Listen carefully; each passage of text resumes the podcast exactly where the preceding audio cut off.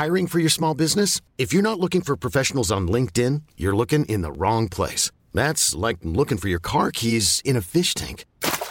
LinkedIn helps you hire professionals you can't find anywhere else, even those who aren't actively searching for a new job but might be open to the perfect role. In a given month, over 70% of LinkedIn users don't even visit other leading job sites. So start looking in the right place. With LinkedIn, you can hire professionals like a professional. Post your free job on linkedin.com slash achieve today. Hey, it's Ryan Reynolds, and I'm here with Keith, co-star of my upcoming film, If, only in theaters May 17th. Do you want to tell people the big news? All right, I'll do it. Sign up now and you'll get unlimited for $15 a month in six months of Paramount Plus Essential Plan on us. Mintmobile.com slash switch. Upfront payment of $45 equivalent to $15 per month. Unlimited over 40 gigabytes per month. Face lower speeds. Videos at 480p. Active Mint customers by 531.24 get six months of Paramount Plus Essential Plan. Auto renews after six months. Offer ends May 31st, 2024. Separate Paramount Plus registration required. Terms and conditions apply if rated PG. The secret to summer-ready skin is here. Osea's number one best-selling Andaria Algae Body Oil. Clinically proven to instantly improve skin elasticity and transform dry skin to silky, soft, and unbelievably glowing. Its signature scent of freshly squeezed grapefruit, cypress, and mango mandarin transports you to sun-kissed summer days. Get healthy, glowing skin for summer with clean vegan skincare from Osea. Get 10% off your first order site-wide with code GLOW at OseaMalibu.com.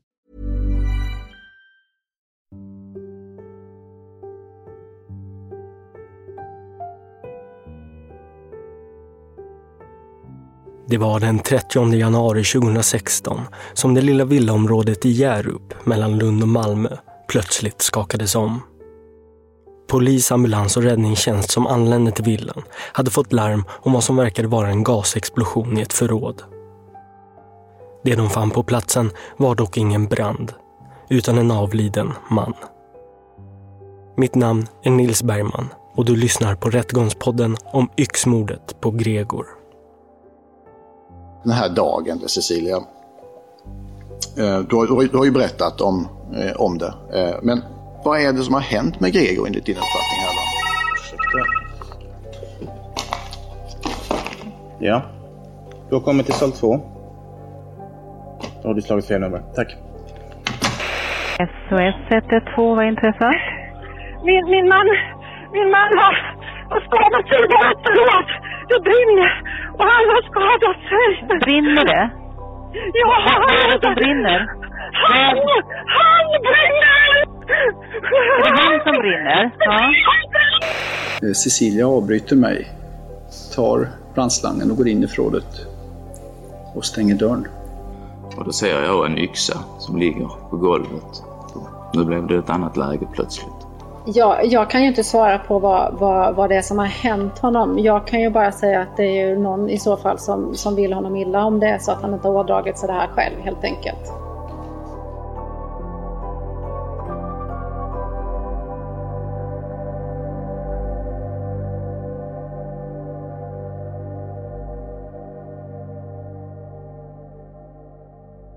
Det är lördag eftermiddag. Klockan är runt 16.45 och paret Lena och Magnus har precis kommit hem från Ikea då de möts av att deras son berättar att de måste komma ut på gården för att någonting verkar ha hänt. Så jag springer ut då och då... Eh, jag känner innan att det luktar rök där inne i huset så jag kommer ut och... Och... Eh, eh, Nu detta ett tag sedan men jag tror det var så att min man kom ut, Magnus kom ut ganska direkt och sa att vi skulle stanna utanför, att vi inte skulle gå in i förrådet i Gregor och Cecilias förråd. Så vi står utanför där, var på väg in. Eh, då säger Magnus också då att, eh, att vi ska kalla på Mattias. Mattias är vår granne längre ner på gatan. Mm. Och jag hör, eh, jag hör, alltså, jag hör förtvivlans gråt. Skrik och gråt hör jag inifrån. Mm. Lena hör skrik och gråt från grannen Cecilia Libler och Lenas man Magnus som är på väg till förrådet på grannarna Liblers tomt. Ropar vidare till grannarna Sara och Mattias. Vi hör frun Sara. Eh, när jag kommer ut eh, genom dörren och på väg upp på gatan så um, hör jag hur Magnus eh, eh, ropar på Lena att eh, hon ska säga till Mattias att komma. Så jag vänder och, och rusar in och ropar på Mattias och säger att han ska komma ut. Eh, för det har hänt någonting.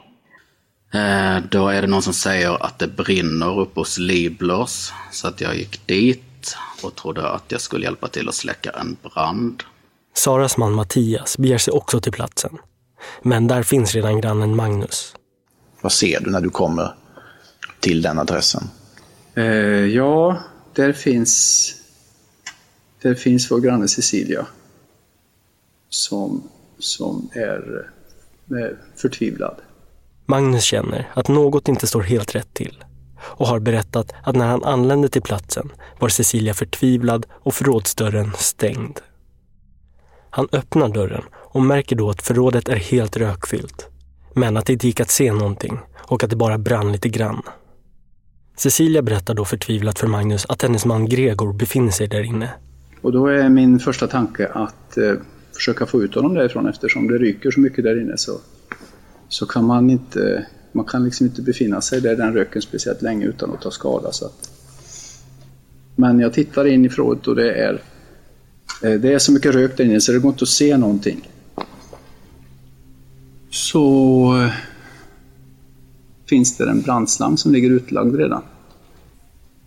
Så jag tar tag i den och försöker att spruta på elden där. In i förrådet. Men eh, det blir bara någon, något lite grann sprutande. Eh, eh, för att eh, eh, Cecilia avbryter mig, tar brandslangen och går in i förrådet och stänger dörren. Eh, och sen i alla fall så efter en, en kort stund så kommer Cecilia ut igen. Och eh, då när dörren får, får stå öppen så dröjer det inte så många minuter förrän förrådet har tömts på rök. Eller i alla fall så mycket så att man kan se in i förrådet. Och i samma veva som Magnus för första gången får ett grepp om vad som finns i förrådet anländer grannen Mattias till platsen. Eh, jag kommer in på baksidan. Eh, då brann det inte. Eh, däremot så såg jag Gregor Libler ligga inne i förrådet. Jag noterade att hans gässa var deformerad, och att det var ganska mycket blod. Mattias första intryck är att det står illa ställt till med Gregor, vilket är en uppfattning som även Magnus delar. Han, eh, han verkar väldigt sargad. Eh, jag kan också se att det finns mycket blod på golvet. Eh, det brinner fortfarande lite grann i, i tygrester runt omkring. Det kan vara hans kläder, det kan vara, men det, det brinner också i, en, i ett täcke som han har ner, vid, ner mot fötterna någonstans. Vid, no, vid något tillfälle där också så ser jag att det finns en bensindunk inne på bänken. Som jag då tänker att ja, nu, nu brinner det inte så mycket längre, men skulle det ändå vara en flaga som, som blåser upp och trillar ner i den där så kanske den står dumt så att jag bär ut den dunken. Eh, någon, jag tror att det är Magnus, säger till mig att jag ska ta familjen därifrån. Eh, så att det gör jag, så att Cecilia och de två barnen följer med ut till eh, garageuppfarten. Och jag, jag försöker att dra ut honom ur förrådet men jag lyckas inte och då är det fortfarande rök kvar där inne. Men han, eh, han är för tung och det känns som att han eh, det känns som att han sitter fast i golvet helt enkelt. Eh, så tänkte jag det är bäst att han får ligga kvar där för röken kan inte skada honom mer i alla fall. Och jag kan inte jag kan inte hjälpa honom på något sätt utan det är bättre att professionell personal får, får göra det. Och eftersom jag då har en känsla av att ambulansen är nog på väg nu så så lämnar jag honom där. Cecilia och barnen tas nu om hand av grannarna Sara och Mattias. Och Magnus fru Lena möter också upp dem. Kommer du ihåg hur Cecilia ser ut när du får syn på henne där först? Mörka kläder tror jag. Mm, Okej. Okay. Någonting hon, ja, hur sinnesstämning och så? Ja, Cecilia var förtvivlad. Ja. Mm, det är jag. Mm. Okej. Okay. Säger hon någonting? Som du minns? Där i det här allra första skedet menar jag då. Nej, hon är förtvivlad bara. Oerhört ledsen och förtvivlad. Så upplever jag henne och även när vi är nere hos, um, hos Sara och Mattias. Så vi följer med dit in till huset också. Och då är hon förtvivlad. Vid den här tidpunkten har även grannen Mattias ringt räddningstjänsten. Han uppger att det var ett långt samtal där han förklarar att de främst behöver skicka en ambulans och inte en brandbil, då det inte är mycket till brand att tala om. Räddningstjänsten frågar var familjen befinner sig och han svarar att de står på uppfarten och räddningstjänsten ber dem då att ta familjen längre bort. Så Sara och Mattias låter dem följa med in till deras hus. Ungefär samtidigt har polisen Nadja anlänt till platsen. Eh, jag åkte, jag och min kollega Kristin fick eh, larmet tillsammans med yttre befäl eh, om att det hade varit en brand i en villa. Nadja börjar spärra av vägen utanför och håller bland annat koll på media som nu också börjat anlända. Och snart upptäcker hon att en ung man på longboard kommer dit. Och det kommer en kille, jag ser att det kommer en kille uppifrån. Och han springer mot mig, han har en skateboard i handen. Och på något vis så förstår jag ju jo, att han ropar någonting om sin pappa så jag förstår ju att eh, på något vis att det är han har hört till familjen som, är, som bor på adressen där. Och han eh, ropar, det sista jag hör är att han ropar efter sin pappa eller frågar någonting i stil med var hans pappa är. Och är jätteupprörd. Ja, skriker eh, hysteriskt ut. Den unga mannen på långborden är Gregor och Cecilias äldsta son som varit i Lund och handlat hamburgerkött till en grillkväll som familjen planerat in. Han är mycket upprörd och förtvivlad över uppståndelsen och polisen Nadja lotsar ner honom till Sara och Mattias där hon vet att resten av familjen befinner sig. Klockan 17.01 anländer räddningsledaren Roland till platsen. Jag tror att personen är död på grund av de skadorna som är i huvudet. Det ryker då fortfarande något från förrådet. Men han går inte in direkt, utan väntar in en polisman. Och efter en stund, jag vet inte hur länge, så kommer det en polispatrull till plats. Och jag går in tillsammans med den här polisen. Polismannen. Eh, och eh, vi tittar då in genom dörren och jag lyser mig omkring med min ficklampa. Eh, och då ser jag en yxa som ligger på golvet. Som det är blod på också som jag minns det. Och, eh, och då berättade jag det för den här polismannen och han eh, säger att eh, nu blev det ett annat läge plötsligt. Okej. Okay. Efter ett tag ser vi en hammare också som ligger på, jag tror den också ligger, ja den ligger på golvet den också, som jag minns det. Roland gjorde bedömningen att Gregor avlidit till följd av de kraftiga skadorna de kan se på hans huvud. Och när han och polisens yttre befäl hittar en blodig yxa och en blodig hammare på platsen misstänker de att ett brott har begåtts. Man kommer senare även konstatera att själva brandskadorna har varit begränsade. Både grannen Magnus och Roland menar att brandförloppet har varit kortvarigt.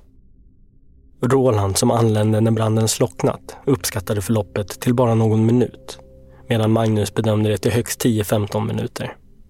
Men utgångspunkten för bådas bedömning har varit att branden har anlagts med bensin. Långt senare gör man en rekonstruktion av brandförloppet och av den framgår att en sån brand får ett inledande häftigt förlopp för att sedan avta i intensitet. Och att brandens förlopp och värmeutveckling är beroende av bland annat hur mycket bensin som tillförs. Medan polisens yttre befäl undersöker platsen ytterligare går ambulansföraren Hanna med en kollega över till grannarna Sara och Mattias där Cecilia med hennes barn befinner sig.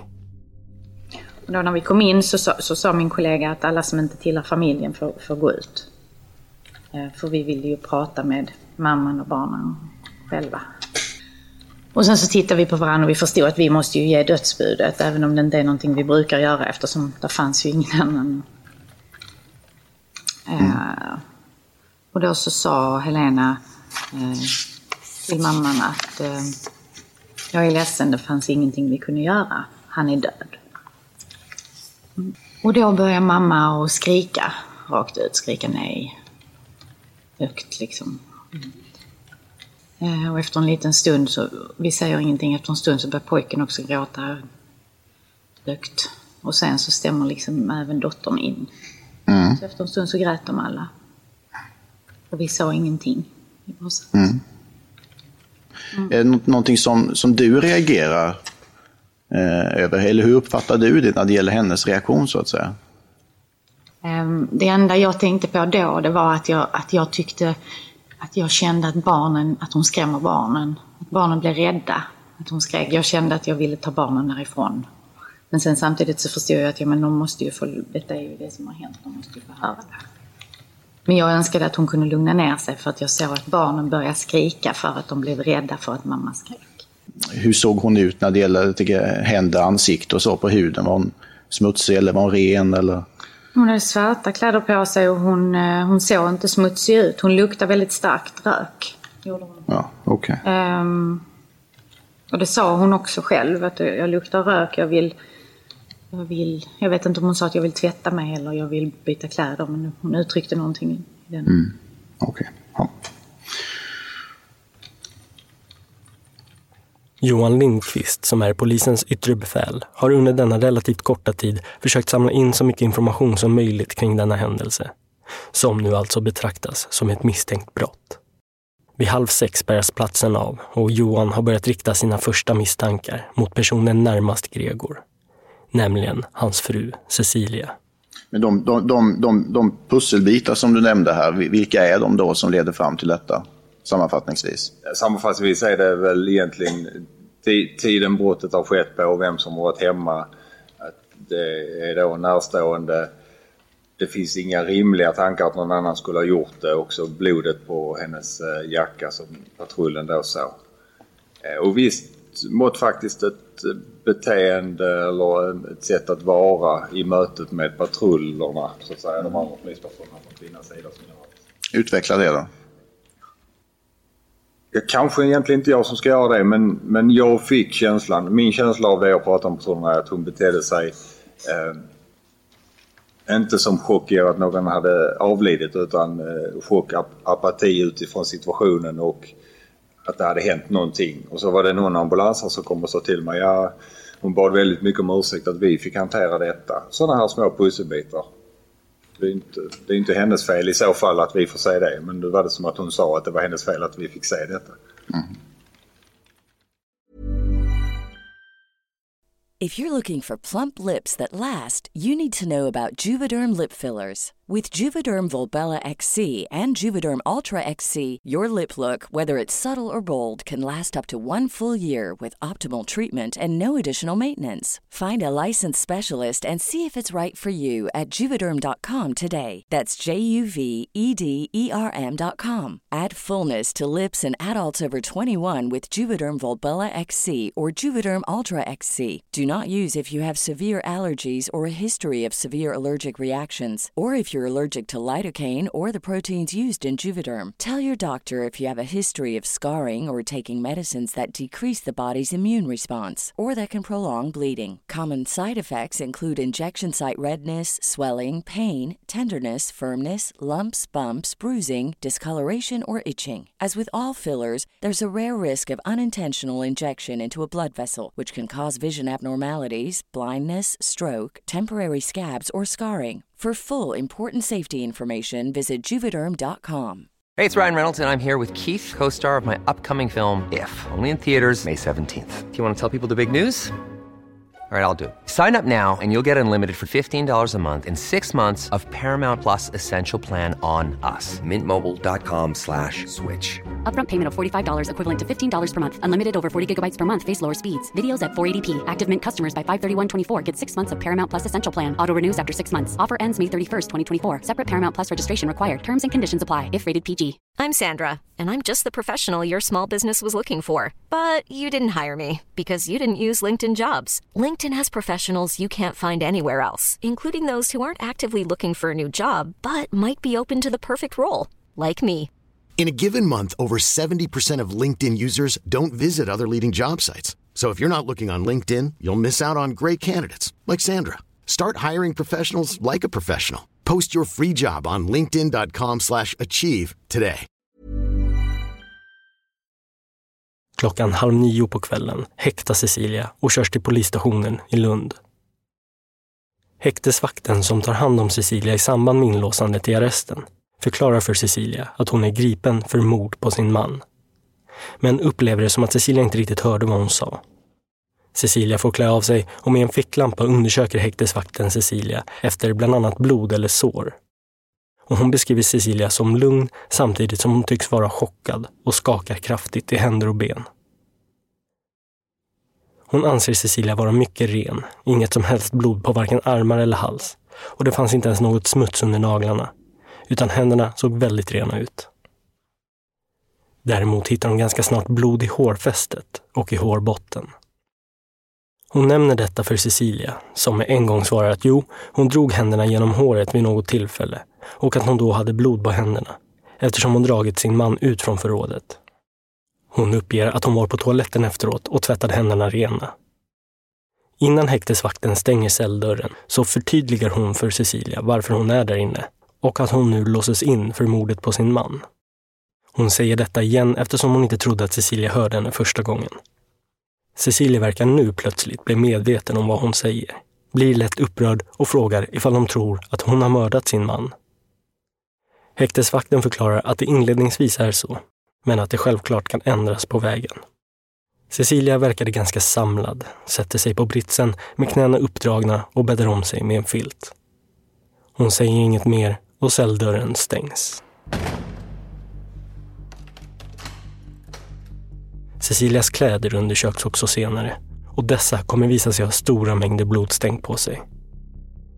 Man undersöker även Gregors kropp i en rättsmedicinsk undersökning och utöver de kraftiga skadorna mot huvudet, som vi kommer till senare, samt brandskadorna, så framgår det att Gregor hade en hög alkoholhalt i blodet.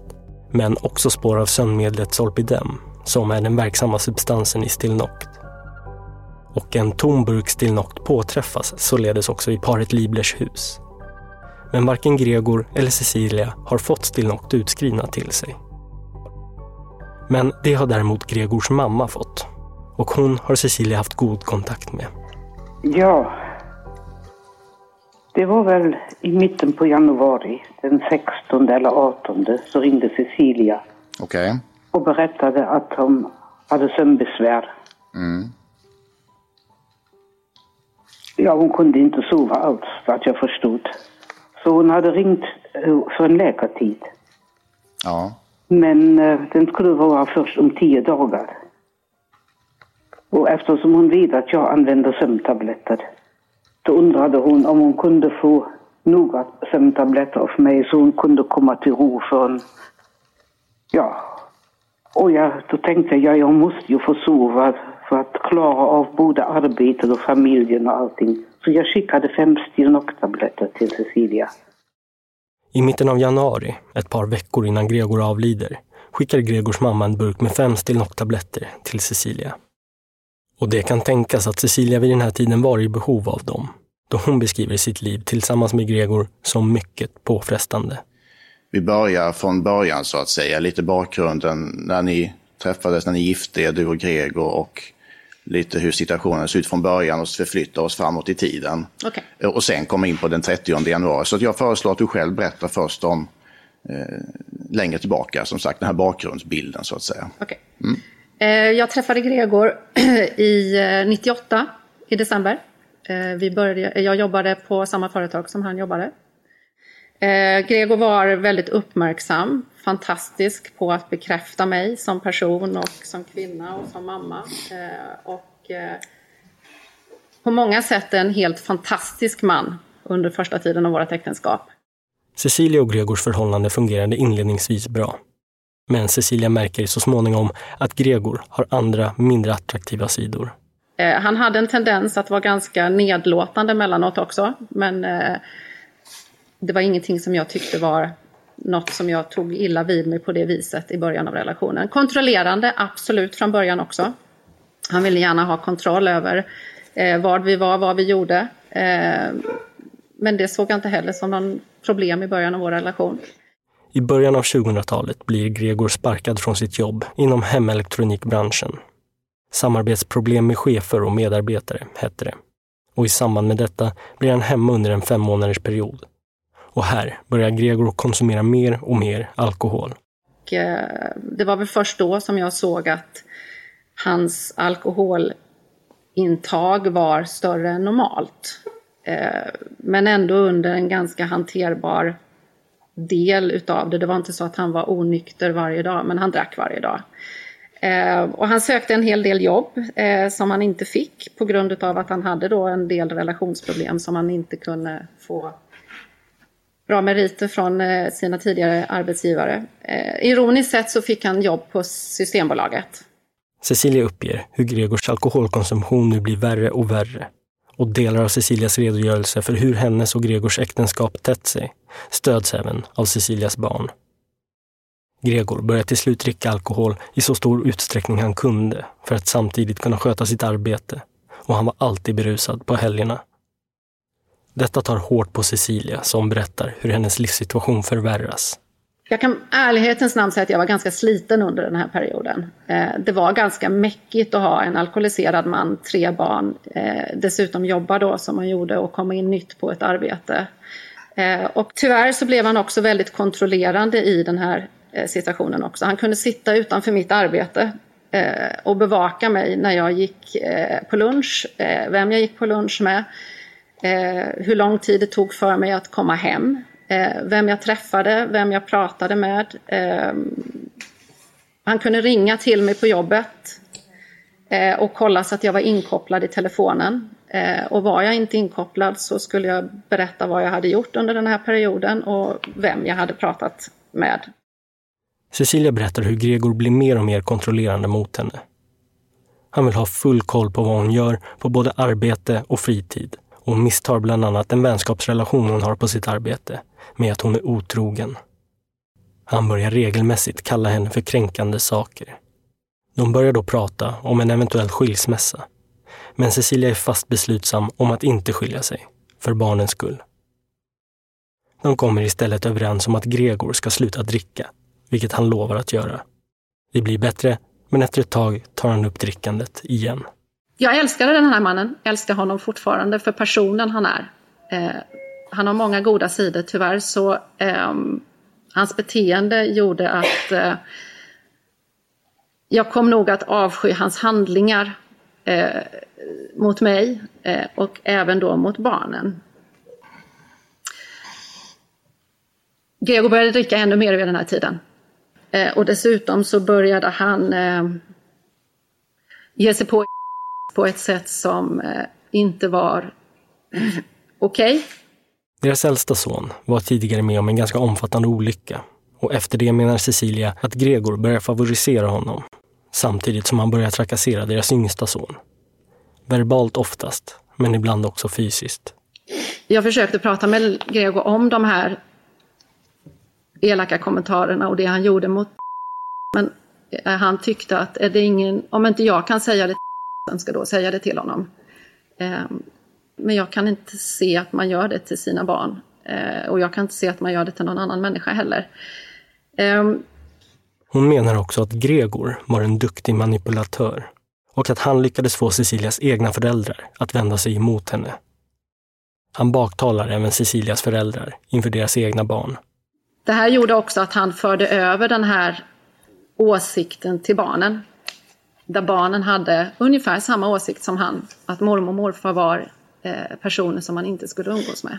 Och det är ju därför under alla dessa år som jag aldrig har känt att jag kan eller har kunnat vända mig till dem och be om hjälp. Eh, för Gregor talade om för mig så fort jag ifrågasatte någonting under de här åren att bara så du vet det, att ingen i din familj kommer att vilja ha med dig att göra om du lämnar mig. Mm. För han hade ju fått den bekräftelsen tidigare att det var på, deras, på hans sida han stod det här accelererade ju såklart i hans drickande. Eh, när eh, han kunde säga till mig eh, när jag skulle gå till jobbet att eh, vem ska du knulla med idag? Eh, ska du se ut sån? Du ser ut som en hora. Eh, det, var, det var vardagsord som jag fick leva med under den här perioden. Och varför jag stod ut? Jag hade lovat honom att jag skulle stå ut. Eh, vi hade tre barn eh, som levde i en relation eller en situation där eh, i synnerhet var rädd för att vara ensam med sin egen pappa. Eh, och är man rädd för sin egen pappa och blir lämnad i ett hem där han säger till mig när jag går till jobbet att ska du lämna mig ensam med honom idag? Och då hade jag inte så mycket mer att välja på än var kvar. Jag förstår. Ehm, Jag tänkte, jag, jag har inga fler frågor till dig när det gäller bakgrunden, utan tänker i så fall om man går in på den här dagen, den 30 januari, om vi förflyttar oss fram dit.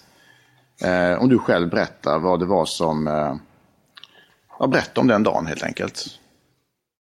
Vi rör oss nu in på dagen då Gregor avlider, lördagen den 30 januari 2016. Den var som alla andra eh, dagar när jag var ledig en helg och var hemma. Cecilia berättar hur hon vaknar upp som vilken helgdag som helst och går ut med hunden. Hon och Gregor brukar också ta en promenad innan frukost, men denna dag regnar det så Cecilia börjar byta sängkläder istället. Gregor ropar då plötsligt att han blöder näsblod, vilket Cecilia hjälper honom med. Hon tillägger att hon då har de kläder på sig, som senare på kvällen kommer hittas blodiga i en påse i deras soptunna. Cecilia berättar också att Gregor ofta är full och ramlar och slår sig. Vid ett tillfälle veckan innan ramlade han då de rensade i förrådet. Och hon säger att han då började blöda från huvudet och att det kan ha stängt ner de kläder hon hade på sig då. Utöver den händelsen så hade han tidigare slagit huvudet i tvättställningen och där hängde den jacka som senare hittas blodig i soptunnan. Han har även ramlat och slagit sig en gång då han skulle möta deras dotter vid tågstationen och att Cecilia då fått komma och leda honom hem. För han har även då varit berusad. Han har också sågat sig med en cirkelsåg och då Cecilia plåstrar om honom hade hon på sig de byxor som senare hittas i soptunnan. Men den här lördagen, efter att Cecilia hjälpt Gregor med sitt näsblod, så tar de bilen ut i skogen för att gå på en promenad. Cecilia uppger att Gregor redan här började bli full. Att han hade börjat dricka tidigt på morgonen och tog även några öl i bilen på vägen dit. Men när de kommer hem igen äter de lunch tillsammans med barnen. Vid lunchen diskuterades middagen och man bestämde att man skulle grilla på kvällen. Deras äldsta son skulle ta sig till Lund med sin longboard och köpa kött till hamburgarna. Till lunchen drack Gregor öl och vin och blir mer och mer påverkad. Men tillsammans går de senare ut och påbörjar lite trädgårdsarbete. Och då, då så säger jag så här, gå in och lägg dig istället. Nej, sa han, jag vill inte ligga inne. Jag ligger i förrådet där han hade en säng som han brukade vila på om det inte var fint väder ute. Eh, han hade ett täcke och en kudde som han brukade lägga sig helt enkelt där ute. Eh, för att få vara i fred eh, många gånger. Eh, så när jag eh, har hjälpt honom med den här stammen och eh, kommer till förrådet så står han vid bänken eh, med den här gröna bensindunken. Eh, och eh, så sa jag det till klarar du dig? Tror jag jag sa till honom eller något sånt där, normal konversation. Han bara, ja, ja det är ingen fara. Nej, för då går jag ut och tvättar klart bilen. Så att jag går ut och tvättar klart bilen. Och eh, när jag gör det eh, och kommer tillbaks till förrådet så ligger han i den här gröna sängen med täcke och kudde på sig. Ehm, eh, och eh, han hade också eh, varit inne tror jag i huset och hämtat något glas med dricka för det stod ett glas på, på diskbänken. Vad det var i glaset vet jag inte men jag antog att det var någon form av dricka. Eh, och eh, jag plockar i ordning eh, tvättgrejerna. Eh, jag går in i huset och så frågar jag Ska du cykla eller vad har du tänkt göra till Lund? Nej, jag tar långborden säger han då. Och inne i förrådet, eller inne i huset så tror jag jag frågade några gånger. Eh, när ska du dra? Klockan började bli ganska mycket. Eh, och eh, för att han skulle hinna in till Lund och hinna handla och så visste jag alltid att när han var inne i Lund så ville han gå någon runda eh, och eh, för att inte klockan skulle bli allt för sent så var han ju tvungen att ge sig iväg snart. Och har frågat honom ungefär en tre, fyra gånger så tror jag nog att jag lät lite sträng på rösten. Eh, absolut. Eh, får man eh, till svar efter tredje gången att snart så tror jag nog att jag sa att nu får du nog liksom ge dig iväg. Eh, och deras äldsta son kommer senare i förhör berätta att han tyckte att Cecilia var något irriterad på rösten då hon frågade hur och när han skulle ta sig till Lund. Hon var lite irriterad på rösten. Så har du sagt där. Kan det... Kan... Ja, det kan. Ja. Är det någonting som du kan utveckla i så fall? Vad, vad du menar med det? Varför det kan instämma, eller det kan stämma? Ja. Ja, Jag tror jag fick känslan av att hon var lite uppjagad. På eftermiddagen. Vad säger hon då? då? Att det inte är dags att sticka snart. Okej. Och Jag vet att det är en svår fråga, särskilt så här lång tid efteråt. Men vet du ungefär hur lång tid innan du åker och stänger av datorn det är som hon säger till dig det här sista gången och du uppfattar henne som det här på rösten? Nej. Vid halv fem-tiden åker äldsta sonen iväg med sin långboard till Lund. Hans två yngre syskon stannar kvar hemma och Cecilia säger till dem att hon ska ut med hunden ett tag. Men hon hinner inte långt då något fångar hennes uppmärksamhet. Någonting fångade mig i den här kattluckan i vårt förrådsdörr helt enkelt. Eh, och eh, öppna dörren helt enkelt till förrådet. Och eh, får nog en, en chock tror jag, för det är rök i det här förrådet. Eh, och eh, Gregor, eh, jag vet inte om jag ser Gregor, men jag ser i alla fall att täcket är bortdraget och han har inga byxor på sig, det är det enda jag tänker på. Eh, och tar på hans ben och tycker att det är så konstigt att han har klätt av sig sina byxor. Eh, och inser att om det, jag, jag kan inte svara på om det, om det är lågor eller om det är glöd eller vad det är. Men det, det är någonting som ryker fruktansvärt mycket. Eh, och förkolnat eller glöd eller vad det är. Jag kan inte svara riktigt på vad det är, men någonting brinner ju där inne uppenbart i alla fall. Eh, jag har ingen mobiltelefon på mig utan jag rusar in i huset och hämtar den. Den ligger på, eh, normalt sett så brukar den ligga på tvättstugebänken. Om den låg där den dagen kan jag inte svara på, men telefonen får jag ju tag i i alla fall. Eh, och ringer 112. Eh, skriker hysteriskt, det har vi väl hört det här samtalet tror jag också. SOS 112, vad är intresset? Klockan 16.53 ringer Cecilia till 112 och uppger att det brinner i deras förråd och att hennes man befinner sig där inne. Min, min man, min man har, har skadat sig i vårt förråd. Det brinner och han har skadat sig. Brinner det? Ja, är det som brinner? Han, han brinner! Är det han som brinner? Ja. Han brinner! Han är skrivit! Ja! Ja. ja. Har du, är han ensam där eller kan du hjälpa honom att släcka? Mm. Nej men jag kan inte släcka brandsläckaren är där inne!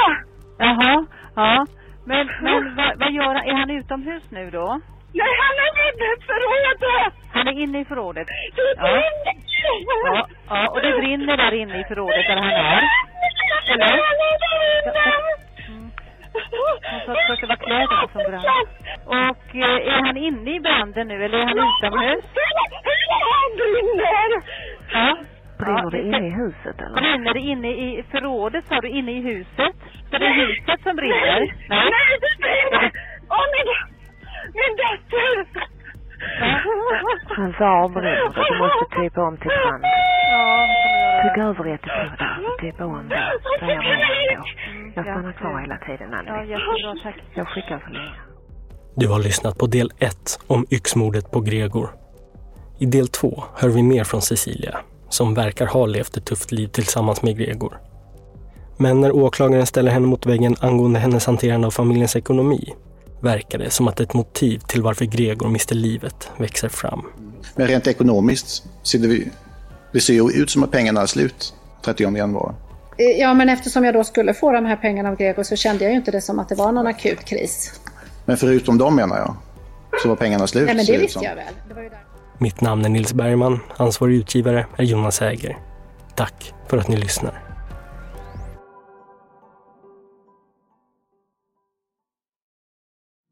Rättegångspodden är en Tall Tale produktion. Ansvarig utgivare är Jonas Häger. Och Rättegångspodden görs i samarbete med Lexbase. Ange rabattkoden Rättegångspodden när du blir ny betalande medlem på lexbase.se och få tre kostnadsfria domar.